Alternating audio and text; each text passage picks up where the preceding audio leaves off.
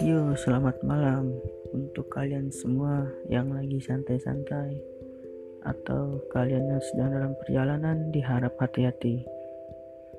Terima kasih sudah mendengarkan podcast ini. Gua Septis Nandi mau berbagi sedikit motivasi.